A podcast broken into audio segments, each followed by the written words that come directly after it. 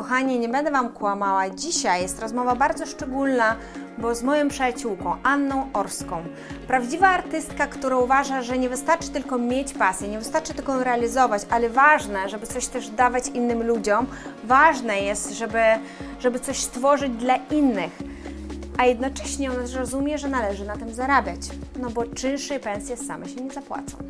Zapraszam na rozmowę z Anną Orską, wielką miłośniczką biżuterii, ale też poniedziałków. Dobry, nazywam się Julia Izmałkowa. Jako psycholog i badacz społeczny nie tylko wierzę, ale wiem, że nie można być w pełni szczęśliwym, jeżeli się nie lubi swojej pracy. Dlatego zapraszam Was na cykl rozmów Kocham Poniedziałki z osobami, które kochają poniedziałki.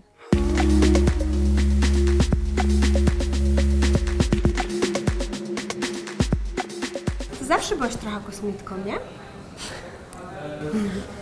Halo, tu Ziemia.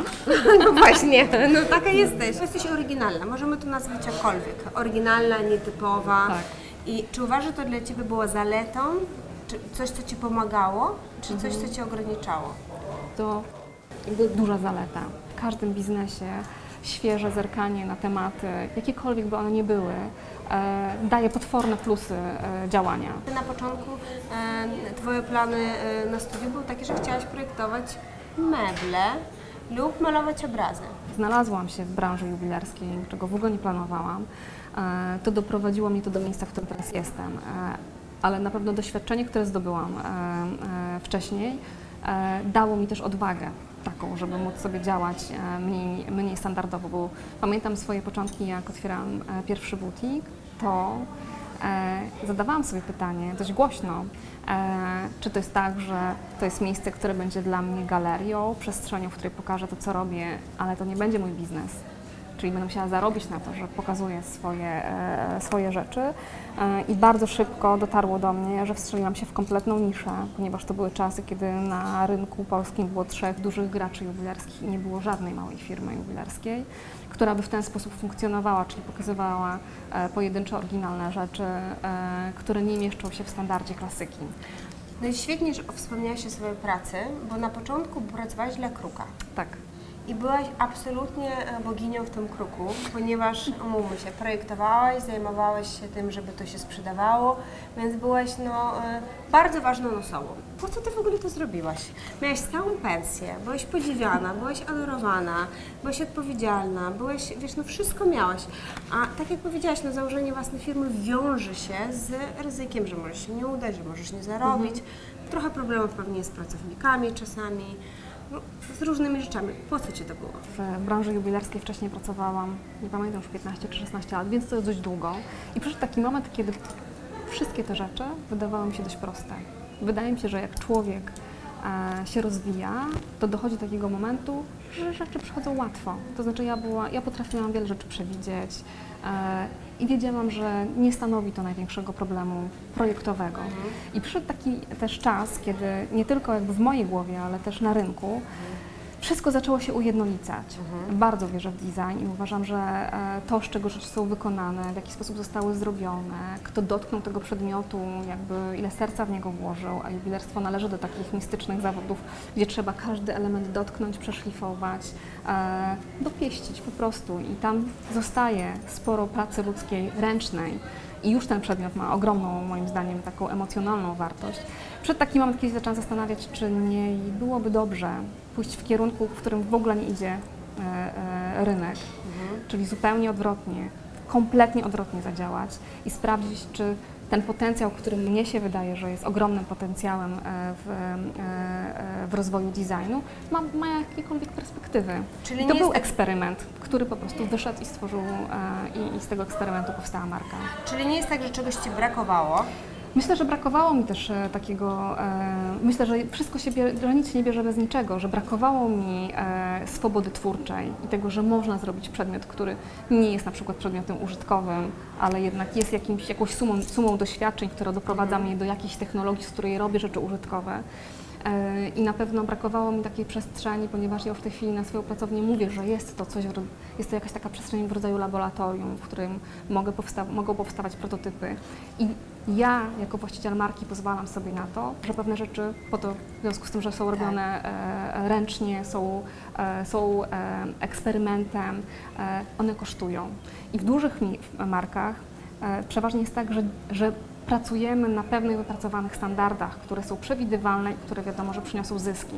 Jeśli chce się zamienić sytuację, w której jesteśmy e, e, nie wiem, poszukiwaczami, tak? jesteśmy e, e, otwarci na to, żeby stworzyć coś zupełnie nowego, nie wiedząc, czy to będzie miało potencjał, no to jest to łatwiej robić jakby w swojej przestrzeni. Ja sobie taką przestrzeń stworzyłam dla siebie, ona jest dla mnie pracownią, jest dla mnie wyzwaniem i jest dla mnie e, takim miejscem, w którym e, wiem, że mogę sobie pozwolić na całą masę błędów, może mi wiele rzeczy nie wyjść, ale czasami z tych eksperymentów wychodzą e, piękne przedmioty, które mogą oglądać klienci. Momentem, kiedy już poczułeś, że czas się rozwijać, kiedy wszystkie rzeczy, które dotychczas robił, były już bardzo proste. Więc Były oczywiste i były oczywiste i przewidywalne. przewidywalne. Tak. Czyli po, tak naprawdę ta oczywistość i przewidywalność powodowała, że już chciałaś mieć coś, z czego nie mogłabyś przewidywać, gdzie mogłabyś eksperymentować. Ja myślę, to jest tak jak ze sportami ekstremalnymi, że masz taki moment, kiedy jeśli świetnie jeździsz na rowerze, to na pewno każdy e, e, zaczyna myśleć, czy nie można zacząć na nim skakać. Albo czy nie można jeszcze udoskonalić e, swojej technologii, e, te, te techniki jeżdżenia i zamienić roweru, nie wiem, na, e, na jakikolwiek inny, który jest bardziej ryzykowny. Wiele osób tak naprawdę bardzo często jest w takiej sytuacji pracowej, że uważa, że no nie jest do końca tak, jakby chciała, coś by chciała, ale się trochę boi, że to się nie uda. To, co dla Ciebie jest zaletą, czyli możesz eksperymentować. Eksperyment to znaczy, że może się nie udać. Zawsze. To tak. zakładamy jakby to jest natura eksperymentu. I niektórzy się boją i chcieliby mieć takie gwarancje. Więc Ty miałeś życie, które miała gwarancję, że wszystko się uda i zamieniłaś ten eksperyment, gdzie wiadomo było, że coś się nie uda. Jakby, skąd Ty brałeś, nie wiem, takie siły, jakie miałaś w- myśli w głowie, że jednak poszłaś to? Miałam taki moment, kiedy się zaczęłam zastanawiać, czy jeśli nie spróbuję, to nie będę żałować. Bo nie miałam stuprocentowej e, pewności, że to wyjdzie, ale miałam stuprocentową pewność, że będę żałować, że nie spróbuję. E, I uświadomienie sobie tego, że siedzę na bujanym fot- fotelu jako e, starsza kobieta e, i zastanawiam się, co by było, gdybym, gdybym to zrobiła, e, dało mi od razu jasną i klarowną sytuację, że, że trzeba spróbować. W życiu bardziej chyba chodzi o spełnienie i doświadczanie niż o posiadanie. I na końcu sytuacja, która daje Ci taki, taką stabilizację i spokój, to nie jest rzecz, która, która powoduje, że się cieszysz ze swoich osiągnięć. Płacisz za taką cenę? Oczywiście, że tak, e, natomiast nigdy tej ceny nie zamieniłabym na coś innego. Myślę, że ceną jest czas, e, jest e, rodzina, jest wiele rzeczy, które powodują, że ja się czasami zastanawiam nad tym, czy jak długo jeszcze powinnam być w pracowni, czy zostać do późnego wieczoru, czy jednak wrócić do domu. A w domu się zastanawiam, czy aby na pewno nie powinnam być w pracowni, si- siedząc i robiąc zupełnie coś innego. Więc myślę, że ceną jest, jest czas i kiedyś sobie tłumaczyłam, że powinnam te dwie przestrzenie klarownie rozdzielić, ale absolutnie już teraz wiem, że e, to się wszystko ze sobą przenika i to, że tworzę takie rzeczy wynika też z tego, że ja tak naprawdę projektuję w głowie non-stop. I nie potrafię też się od tego uwolnić i bardzo mi z tym dobrze. I już ten spokój, który osiągnęłam, e, na pewno i jakby wytłumaczyłam sobie e, to, że, e, że mimo wszystko w pracy jestem e, 24H, bo czasami nawet drobna rzecz potrafi zainspirować i potem wychodzą z tego piękne przedmioty, to dało mi takie poczucie, że nie Czyli ma co się ścigać z życiem i z myślami i ze schematami. Czyli praca jest trochę taką twoim, w Twoim DNA, jest częścią Twojego życia. Znaczy tak, praca jest dla mnie kompletną pasją i e, nie jestem sobie w stanie wyobrazić sytuacji, w której, e, w której jest inaczej. Ja to naprawdę uwielbiam i to mi daje totalną frajdę i przez e, w tej chwili już kilkanaście lat nie zmienił się mój entuzjazm i jak powstaje nowa rzecz, to ja mam czasami gęsią skórkę i, e, i jakby to się nie zmienia. To jest taki stan, który jest e, naprawdę bardzo szczery. To powoduje, że ja, ja, ja dalej szukam, czyli ale ja już nie szukam jakby innych rozwiązań. Po prostu jest mi, jest mi w tym stanie robienia biżuterii bardzo dobrze. Czyli kochasz poniedziałki? Bardzo. A za co je kochasz? Wiesz co, kocham poniedziałek. Nie lubię, nie, nie, nie lubię końcówki niedzieli. Kiedy wiem, że coś się kończy, e, ale już myślami jestem w innej przestrzeni, to Tak. mam taki stan tej, tej niedzieli, taki e, natomiast poniedziałki kocham za to, że zaczyna się przede mną nowa przygoda. To jest Bardzo ważne, lubię. Oczywiście, że żeby tak. lubić poniedziałki? Ja myślę, że e, Julia, to może być poniedziałek, to może być wtorek, a to może być też sobota. Myślę, że to, co się wytworzyło, że znowu jest poniedziałek, to jest raczej na naszej, w naszej głowie. Że Jaką jak? masz radę dla tych ludzi? Bo jest duża część ludzi, którzy mówią, o Jezu, nienawidzę poniedziałku. To znaczy, że nie lubią swojej pracy. I co uważasz, że powinni wtedy zrobić? Powinni się zastanowić. I e, wydaje mi się, że czasami e, trzeba się zastanowić, co się, co się chce robić tak naprawdę w życiu. Żeby to dawało satysfakcję. I wtedy naprawdę dzień tygodnia nie ma kompletnie znaczenia. A jak znaleźć coś takiego, co Ci daje satysfakcję? Ja nie wiem, ale nie ma też e, czasu znaczenia, bo czasami ktoś mówi, a już jest za późno, a być może jeszcze nie jestem na to gotowy, zawsze nie jest to na odpowiedni moment. Co by było, gdyby się Ale- okazało, że Twoja Mhm. nisza jest za bardzo niszowa jednak? Mhm. E, pewnie poszłabym bardziej e, w stronę artystyczną e, i być może pojawiłaby się rzeźba. Ale i tak byś nadal coś, coś robiła. Nie, Nie, jest to że jest w- wróciłabyś do kruka. Nie, nie, w ogóle jakby nie myślę, że to e, absolutnie nie wchodzi w grę. Bardziej myślę o tym, że tworzenie rzeczy i wytwarzanie, swoj, wytwarzanie swoich koncepcji em, jakby to, i to działanie artystyczne, które się e, zwiąże ze zmaganiem, e, z porażkami, z doświadczaniem, jest czymś, od czego jestem kompletnie uzależniona. I e, pewnie gdyby było tak, że moje rzeczy się nie sprzedają, to, e, to mimo wszystko robiłabym, e, na, na pewno wytwarzałabym e, bym produkty, ale zmieniłabym swoje życie, tak żeby mi było stać na robienie tych e, elementów. Masz dwójkę dzieci. One jeszcze są za młode, żeby zacząć pracę, ale no, Twoja córka za jakiś czas już pewnie niedługo Mhm. wyjdzie z domu i zacznie pracę. Jaką byś dała jej radę? Jak ona ma, jaką ma mieć pracę, jaką szukać, jak, skąd ona ma... Znaczy, rada jest dość prosta. E, powinna mieć pracę, która daje jej przyjemność, e, do której chodzi z przyjemnością, niezależnie od tego, co to będzie za praca i jaki to będzie rodzaj pracy. E, ponieważ czasami jest tak, że w moim wypadku i być może ja też jestem takim blokerem dla mojej córki, e, ja totalnie lubię swoją pracę i dla mnie to jest ogromna pasja. Myślę, że ciężko jest, nie, że nie każdy potrafi znaleźć pracę, która jest dla niego pasją. Natomiast czasami trzeba zrobić tak, że ta praca jest, e, jest e, odskocznią od pewnych rzeczy, które możemy realizować poza pracą. Jakby rozwiązań jest wiele, najważniejsze to, żebyśmy trzeba żeby była szczęśliwa. szukać. Trzeba. Ja uważam, że nie mam w ogóle, nie ma złego czasu na szukanie. Ale ważne, żebyś szczęśliwa w pracy? Ja myślę, że bardzo ważne jest to, żeby ona sprawiała przyjemność, tak. Są takie osoby, które strasznie lubią dawać radę. Nie. E, Ty nie lubisz dawać rad, ale i tak Cię poproszę, co Ty na to? Bo Możesz, są- możesz spróbować, No ja ale nie wiem, czy spróbuję, sobie dobra. z tym poradzę. Em, No więc ja wierzę w to, że Ty zawsze sobie ze wszystkim doskonale radzisz. E, wiesz co, em, ponieważ Ty doskonale sobie radzisz ze zmianami. Znaczy jesteś taką osobą, która... Ile tworzysz kolekcji w ciągu roku? No, mm, z sześć? Sześć. A ile tradycyjnie się tworzy w Twojej branży kolekcji? Dwie. Dwie. No więc tak naprawdę to, to nie jest tak, że Ciebie jakoś krępuje to, że cały czas musisz coś zmieniać, coś robić się inspirować. Są takie osoby, które e, nie lubią zmian.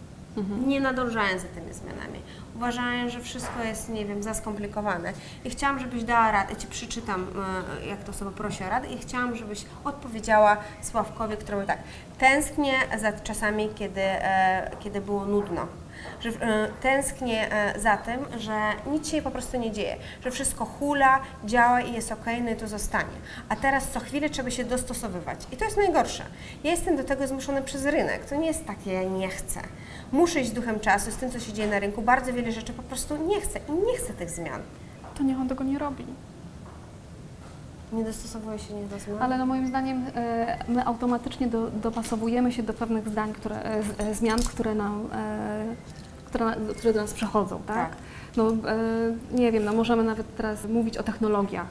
Bo to jest tak, że ja też uwielbiam pracę ręczną, ale korzystam z nowych technologii. Ja się na nie nie obrażam. Pytanie, jak bardzo będziemy ulegać tym zmianom? Moim zdaniem, jeśli on aż tak czuje, to powinien w ogóle zmienić na swoje nastawienie do pracy, bo być może to nie jest dobre e, to, co on robi, bo te zmiany będą następować i one będą następowały bardzo szybko, e, ponieważ technologia idzie w błyskawicznym tempie do, do, do przodu. Tylko nie wydaje mi się, że wszyscy wszystko muszą i e, jestem nawet przekonana, że coraz cenniejsza będzie autentyczność. i naturalność. Lebowic kiedyś ją zapytali, no co ona zrobiła, kiedy zaczęła być e, fotografia digital. Mówię, ale co mnie to w ogóle obchodzi? Powiedziała, ja jestem fotografem portretów. I to, czy ja robię to digital, czy nie digital, to w ogóle nie ma znaczenia, bo znaczenia. ja jestem od tego, żeby sfotografować Tak. moment ludzki. Więc wydaje się, że rzeczywiście to jest tylko narzędzie, co? Znaczy na pewno, e, ale czasami są narzędzia, które nam nie sprzyjają i nie ma co się, Na siłę nie ma co. nie ma co na siłę e, angażować w rzeczy, które, które czujemy, że nie są dobre dla nas. Co dla Ciebie jest najtrudniejsze w Twojej pracy? E, Rozmawiałyśmy dzisiaj o tym. No, to jest ciężka rzecz. To nie ma co udawać, że odpowiedzialność jest super przyjemna. No, To jest tak, że musimy ją, z nią sobie radzić, ale no nie jest jedzenie lodów. To Tak. nie jest jakaś wielka radość życiowa. I w takich sytuacjach, kiedy czasami pewnie czujesz się przytłoczona trochę tą odpowiedzialnością, no bo ty masz dosyć już duży biznes i różne rzeczy cały czas się wydarzają. Jak masz jakąś taką mantrę, takie zdanie, które sobie mówisz, coś, co ci stawia do pionu i powoduje, że nie zaczynasz Tak. tam użalać się, ale Tak, że zmiany są dobre. I przekonałam się na, e, o tym już wielokrotnie, że jeśli coś się dzieje a, i nie jest to po mojej myśli, e, mam ten moment, w którym sobie myślę, wow, szkoda. A potem sobie myślę, hmm, to jest jak ta przygoda z poniedziałkiem, czyli zacznie się coś nowego. dziękuję Ci bardzo. Proszę.